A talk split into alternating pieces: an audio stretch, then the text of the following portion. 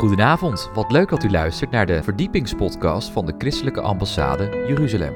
Mijn naam is Joshua Beukers en samen met Jacob Keegstra zoeken wij weer een onderwerp uit hoe de Hebreeuwse wortels een verdieping kunnen geven aan ons christelijk geloof.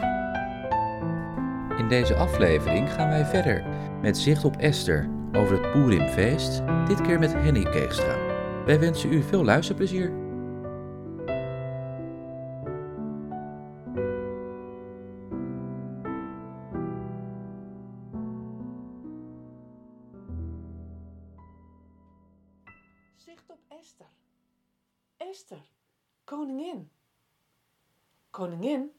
Perzië. Zie je die kinderen op straat daar? Wauw, wat zijn ze mooi verkleed.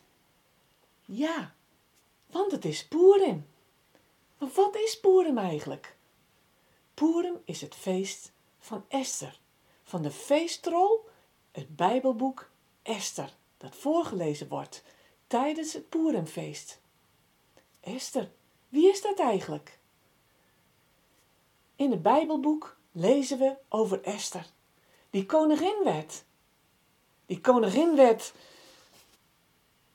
omdat. Ze werd koningin omdat ze moedig was. Ze was moedig omdat ze naar de koning ging. Ze ging naar de koning om te vertellen dat Haman de Joden wilde vermoorden. Maar het gebeurde niet zomaar. Het gebeurde niet zomaar.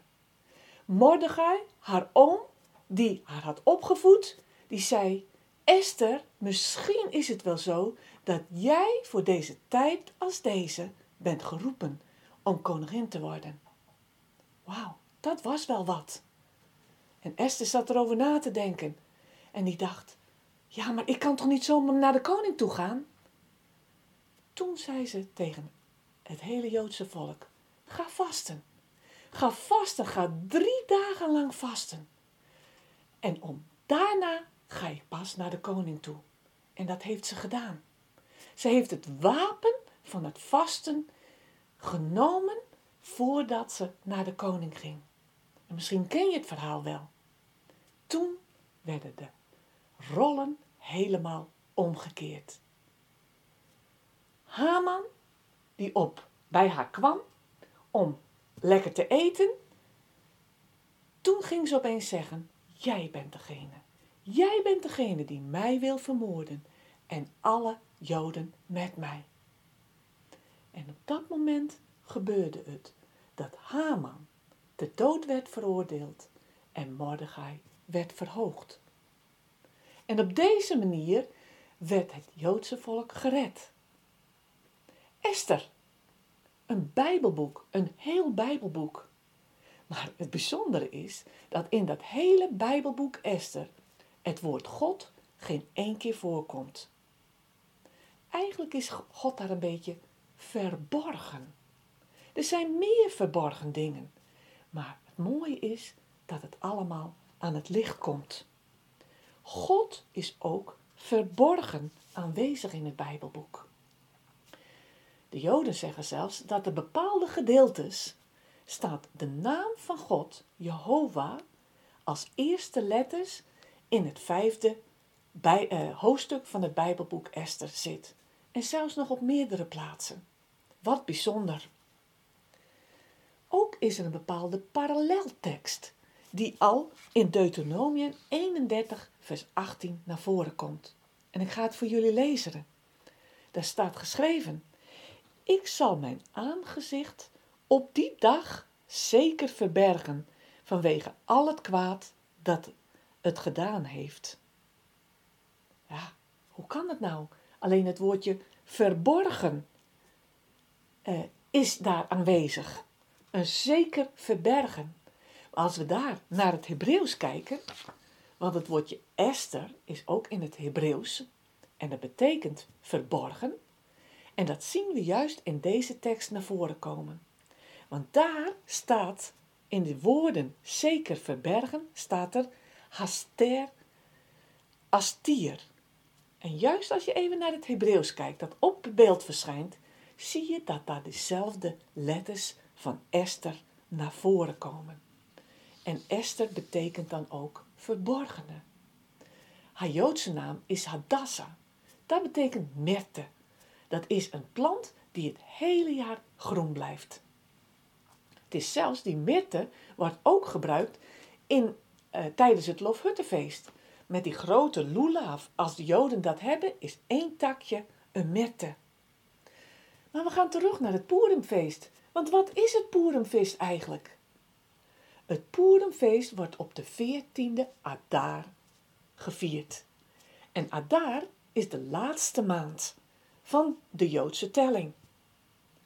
Voordat het weer de eerste maand wordt met Pesach.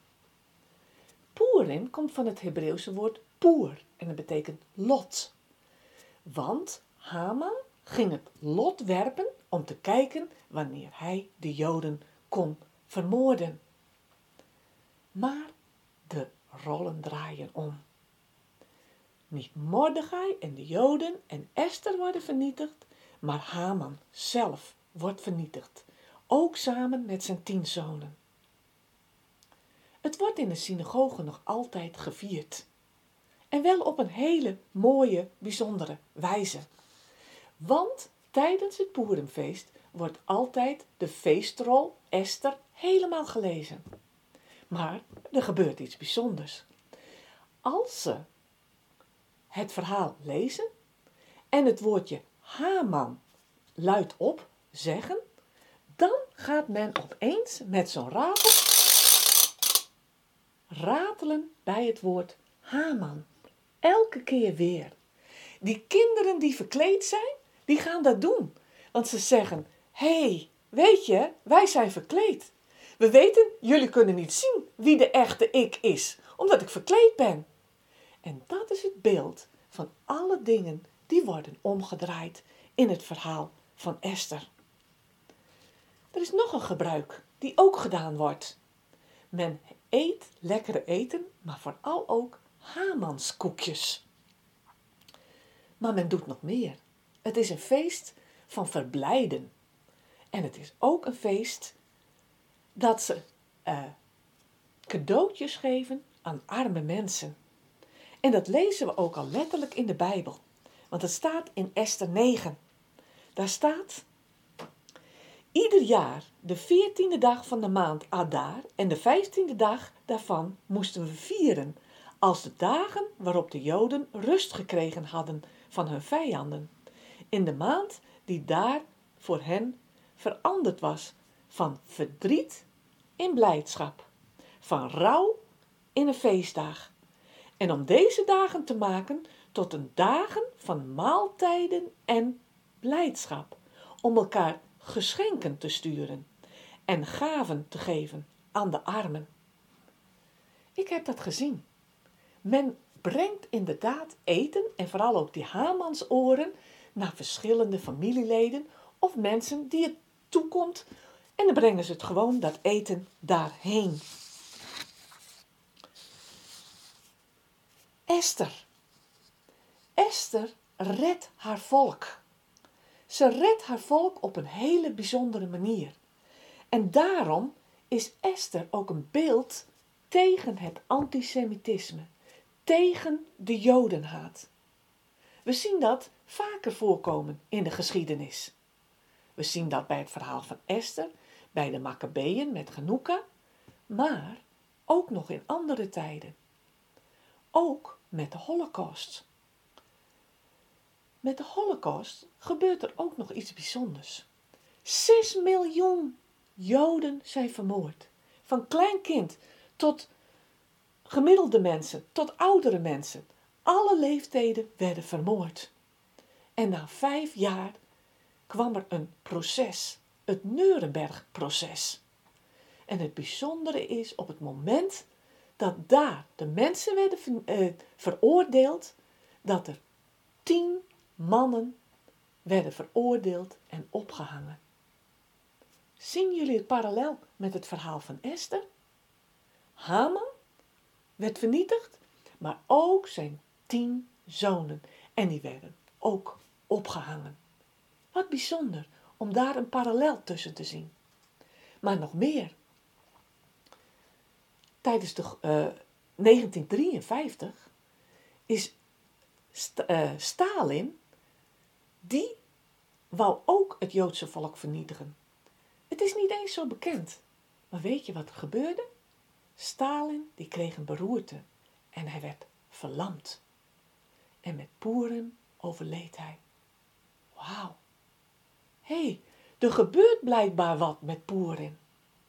Zelf heb ik de Golfoorlog meegemaakt in 1991, waar Irak 37 skutraketten op Israël afvoerde, terwijl Israël niet eens betrokken was bij het hele conflict. En toch werd het gedaan. Ook ik liep met een gasmasker op, omdat het best een enge tijd was. Het was oorlog. En elke dag, s'nachts en s ochtends en s avonds, kwamen er raketten afgevuurd op Israël. Na 37 raketten was het sloes.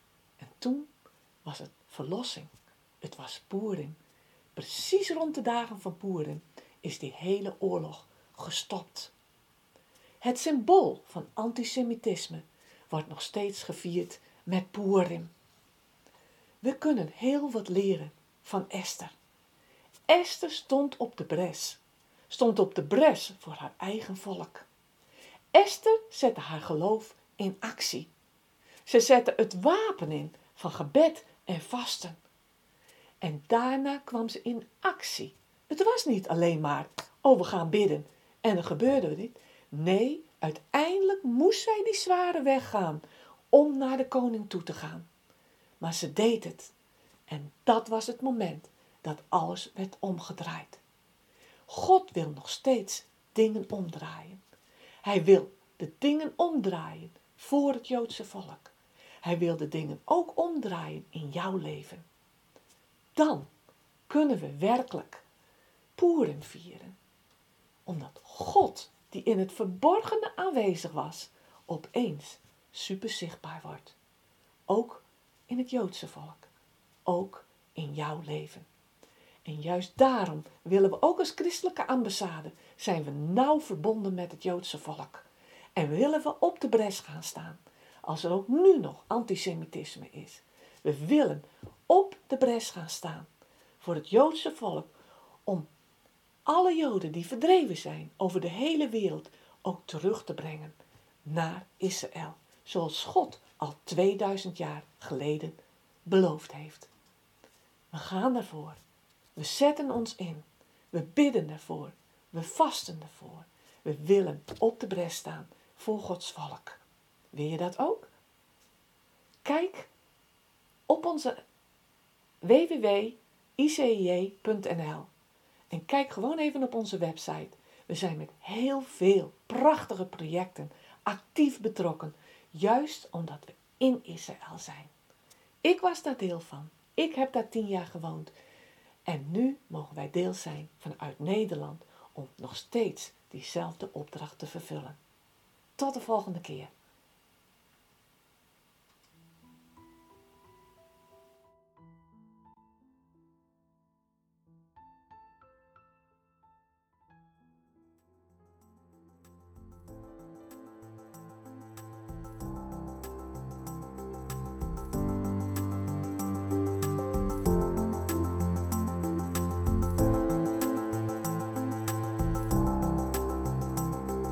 We zijn aan het einde gekomen van deze podcast van de ICEJ.